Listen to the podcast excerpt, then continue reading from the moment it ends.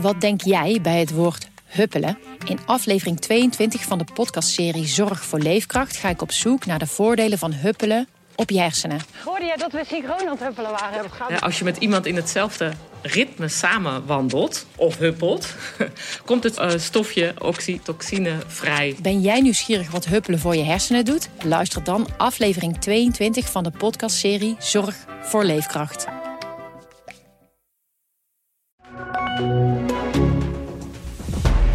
Dit is de AD Nieuws Update met Jamie Trainte. Ongeveer de helft van de ongevaccineerde patiënten in ziekenhuizen heeft een niet-westerse migratieachtergrond. Dat blijkt uit een inventarisatie van Nederlandse longartsen. Een van die artsen is Leon van der Toorn, voorzitter van de Nederlandse Vereniging voor Artsen voor Longziekte en Tuberculose. Hoe hebben jullie dit onderzocht? We hebben dat onderzocht, met name omdat we er nog geen goede cijfers van hadden. Wij doen al enige tijd als longartsen enquêtes onder alle longartsen om te zien wat er nou precies in de ziekenhuizen ligt. De bevinding dat dat bijna alleen maar ongevaccineerden zijn, die wisten we al een tijdje. Mhm. Maar de gegevens ontbraken met betrekking tot de achtergrond. We hadden wel een vermoeden dat dat een groot aandeel niet-westers was. Ja, en dat komt nu met deze enquêtes komt dat ook naar voren. En hoe is die achterstand te verklaren? Um, dat is te verklaren door een aantal factoren. Er zullen natuurlijk zaken spelen als minder goede taalbeheersing, andere factoren die ertoe hebben geleid dat mensen minder gemakkelijk naar de um, vaccinatielocaties komen. Een beetje um, ja, argwaan tegen vaccinatie. Er zijn allerlei factoren te bedenken. Misschien ook wel gebrek aan geldelijke middelen om een buskaartje te kopen om naar de locatie te gaan. Ja, er is van alles te verzinnen, maar het blijkt tot nog toe nog steeds dat de vaccinatiegraad onder de niet-westerse bevolking nog steeds te laag is. Ja, de meeste mensen die dus in de ziekenhuizen terechtkomen zijn niet gevaccineerd, dat wisten we. Maak je je dan nu ook zorgen over deze groep? Ja, dat doen we zeker. We maken ons natuurlijk sowieso zorgen dat we al wekenlang exact dezelfde hoeveelheid opgenomen patiënten hebben. We willen natuurlijk heel graag gaan starten met goede inhaalzorg en sowieso de zorg weer netjes op peil brengen. En dat wordt allemaal bemoeilijkt doordat de bezetting in de ziekenhuizen nog altijd te hoog is. En dat is niet alleen door deze groep, maar ook door ja, toenemende mate van opnames van jongeren. Want ook onder jongeren is de vaccinatiegraad nog altijd te laag. En als we het nog even over deze groep hebben, hoe kan de prikachterstand hier worden ingehaald? Ja, er zijn verschillende initiatieven voor eh, te bedenken en ook al bedacht. Want vanuit het ministerie en vanuit de GGD's worden er al op grote schaal worden er ja, voorlichting gegeven, campagnes gedaan. En er zijn ook verschillende initiatieven vanuit de artsen en verpleegkundigen om de mensen op te zoeken en op locatie zelf voorlichting te gaan geven en te gaan assisteren bij de vaccinaties. Dat heeft absoluut geholpen, maar blijkbaar moet er toch nog een schepje bovenop. Leon van der Toorn, dankjewel.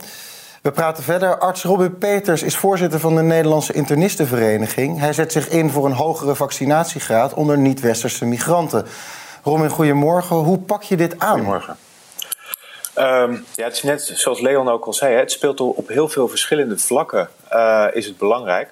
Wat wij gemerkt hebben is uh, dat er aan de ene kant een aantal praktische bezwaren zijn. Maar anderzijds wat heel belangrijk is, is dat er ook gewoon heel veel desinformatie, heel veel valse informatie rondgaat. Met name via social media en, en vooral dan ook bevolkingsgroepen die ja, bijvoorbeeld niet naar de talkshows kijken, niet naar de persconferentie kijken. Die zijn vooral ook, uh, ja, die moet je dus op een andere manier ook, ook een tegengeluid geven en voorlichten. Dat, uh, dat er in vaccinatie geen chips zitten, dat er geen magneten in zitten, dat het niet zo is dat er al duizenden mensen zijn overleden aan vaccins. En wat wij dus merken is dat op het moment dat je gewoon als arts uh, het eerlijke verhaal vertelt, dat mensen heel vaak gerustgesteld zijn en zich alsnog laten vaccineren.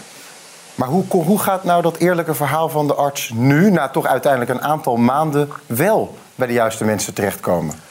Ja, dat is, uh, dat is hard werken. Dat is uh, toch vaak, vaak kleinschalig. Wat we nu, uh, wat we de afgelopen tijd in ieder geval gedaan hebben, is we hebben een heel netwerk opgebouwd van uh, artsen, ook artsen met een migratieachtergrond, die vaak in eigen taal voorlichtingsfilmpjes maken die we kunnen verspreiden via social media.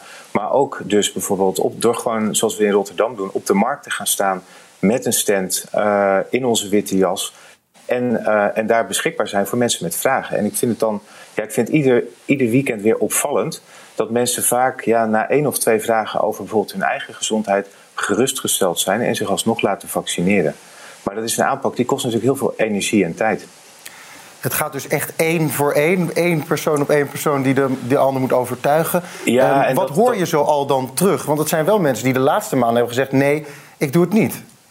Nou, of mensen die dus denken van, eh, ja, mensen die twijfelen. Eh, mensen die denken van, nou, ik wacht nog even. En, en zeker nu, ja, gewoon die opnames maar blijven. En vooral ook, ja, toch, toch patiënten in de ziekenhuizen terecht blijven komen. Is het gewoon belangrijk dat, dat we ook die laatste groep twijfelaars eh, ja, kunnen overtuigen. En wat kan de overheid verder nu nog doen om die vaccinatiegroep van deze omhoog te krijgen? Ja, ik denk echt dat het een gezamenlijke, gezamenlijke verantwoordelijkheid is. Eh, en, en de samenwerking is ook heel goed met, met zowel VWS, die helpt met voorlichting, met de GGD, die, die eh, helpt met allerlei eh, lokale initiatieven. Maar daarbij is dus ook gewoon de, de, de eerlijke voorlichting door, door, door artsen, door huisartsen, door medisch specialisten daarbij ontzettend belangrijk. Feyenoord-fans keken er rijkhalzend naar uit. Vanaf vandaag kunnen ze de docuserie Dat Ene Woord zien. In de serie van Disney Plus krijgen we een uniek kijkje in de keuken van het afgelopen seizoen bij Feyenoord.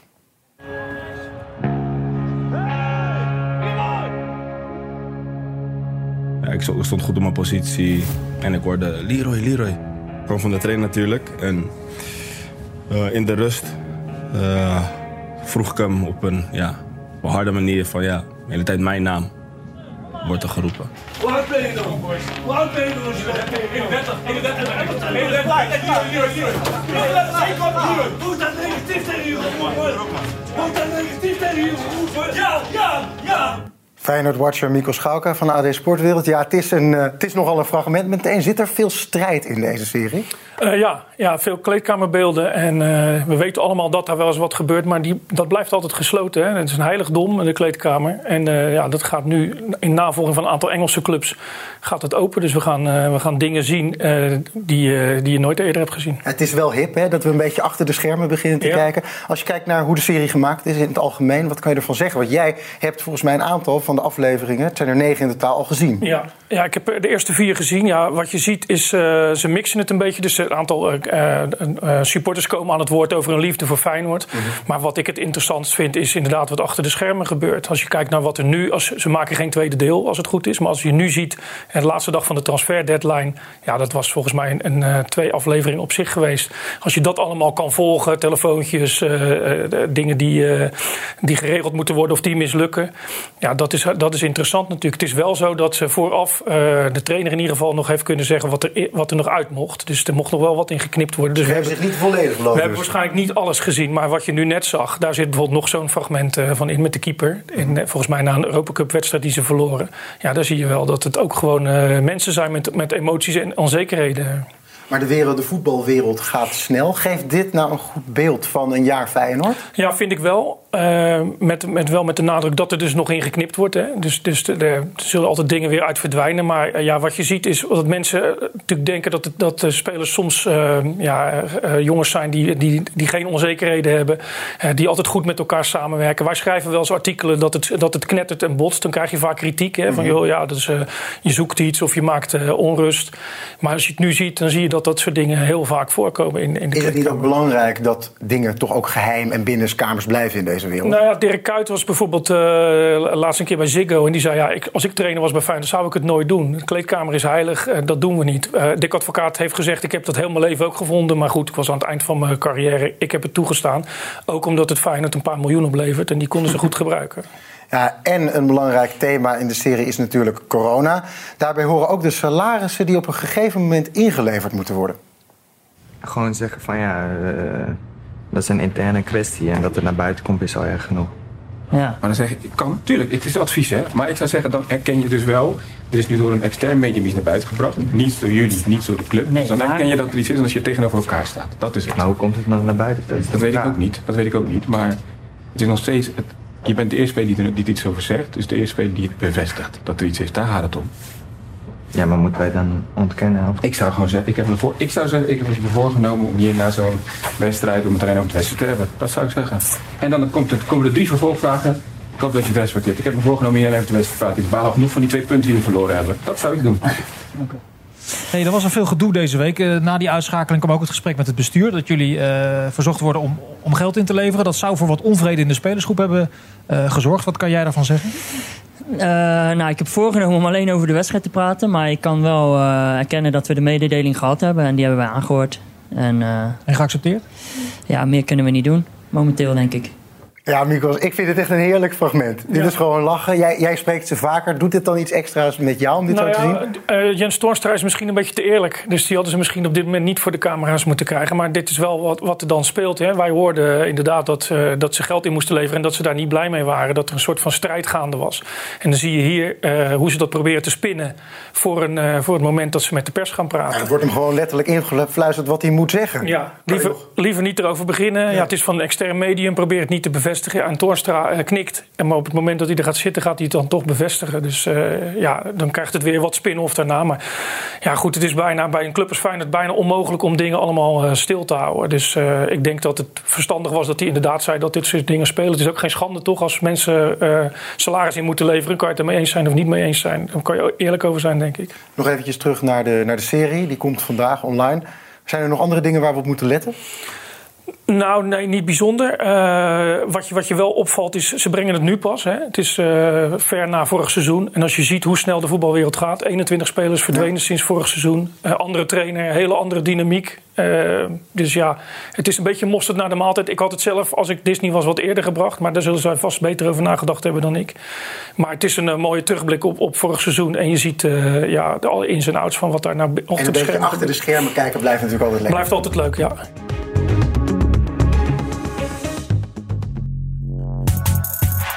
Duizenden Afghanen hebben een permanente verblijfsvergunning gekregen om een bestaan op te bouwen in het Verenigd Koninkrijk.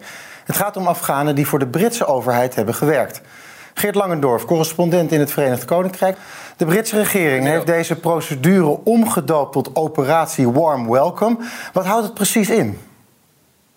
Het houdt in dat uh, ze dus niet als vluchtelingen binnenkomen, maar dus gelijk een verblijfsvergunning krijgen. Ze mogen dus gelijk werken, naar school gaan, uh, gebruik maken van de gezondheidszorg. En daar heeft de regering allemaal geld voor vrijgemaakt. En uh, ook contact opgenomen met gemeentes om ervoor te zorgen dat ze zo snel mogelijk ondergebracht kunnen worden en hier een bestaan kunnen opbouwen. Dus in die zin inderdaad een, een warm welkom. Ja, volgens de Britse premier Johnson in, van het Verenigd Koninkrijk is deze groep enorm veel verschuldigd. Wat zei hij daar precies over?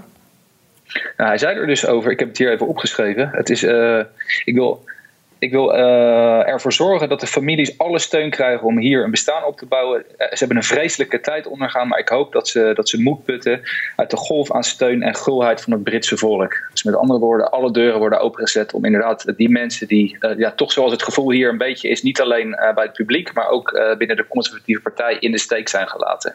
En die willen ze dus nu met, met open armen ontvangen. Ja, deze regeling die geldt voor 8000 Afghanen. Waar worden die allemaal nu gehuisvest? Nou, om te beginnen, net als alle mensen, want het is coronatijd en ze komen uit een zogenaamde uh, red-listed country. Ze, moeten dus tien dagen in quarantaine in een hotel zitten bij het vliegveld. Dat, in, in, in, in dit geval gaat het dan om Heathrow en het vliegveld van, van Birmingham. Daarna wordt er in overleg met ja, gemeentes in Engeland, Schotland en Wales naar een permanente woning gezocht. Er zijn inmiddels nu 2000 gevonden. Maar je moet er eigenlijk van uitgaan dat het, dat het meeste in het noorden is, of in ieder geval ver buiten Londen. Want daar is natuurlijk uh, flinke woningnood. Dus moet je denken aan Bristol, uh, Cardiff, Manchester en Glasgow, waar ook de, de gewone vluchtelingen normaal gesproken uiteindelijk terechtkomen. Ja, en naast deze 8000 zijn er al eerder Afghanen naar het Verenigd Koninkrijk gekomen. Die kregen toen een tijdelijke verblijfsvergunning. Hoe gaat het nu verder met hen? Nou, die, hebben, eh, die hebben van de regering inmiddels groen licht gekregen. Die kunnen een mailtje sturen naar de, naar de overheid. En dan wordt hun tijdelijke verblijfsvergunning omgezet in een permanente verblijfsvergunning. En dan krijgen ze dus dezelfde rechten als die 8000 die nu net zijn ingevlogen. Dus voor een heleboel mensen betekent dat uh, goed nieuws. Ja, we kunnen toch wel zeggen dat dit een groots gebaar is. Maar is iedereen nou blij met dit grootste gebaar? Nee, totaal niet zelfs. Eh, de Britse Afghanen hier in, eh, hier, eh, die hier al woonden, die zijn eigenlijk woedend. Want die hebben een heleboel familieleden nog in Afghanistan wonen. Die nu worden gezocht door de Taliban. Die zeiden van het gaat helemaal niet om 20.000 extra mensen. Die dus de komende vier jaar nog worden ingevlogen. Maar het gaat zelfs om 100.000 mensen. En er zijn nu een heleboel mensen achtergelaten nog daar. Die, die, moeten, die, die vrezen voor hun leven. En mensen in Afghanistan zelf, die hebben samengewerkt met de, met de overheid, maar dus niet in aanmerking kwamen om op een van de vluchten te komen, die zijn dus ook uh, woedend. Zo van, jullie hebben ons in de steek gelaten, waarom halen jullie ons niet op? Dus, dus niet iedereen is blij, maar er is in ieder geval wel wat gedaan. Geert Langendorf vanuit Londen, dankjewel.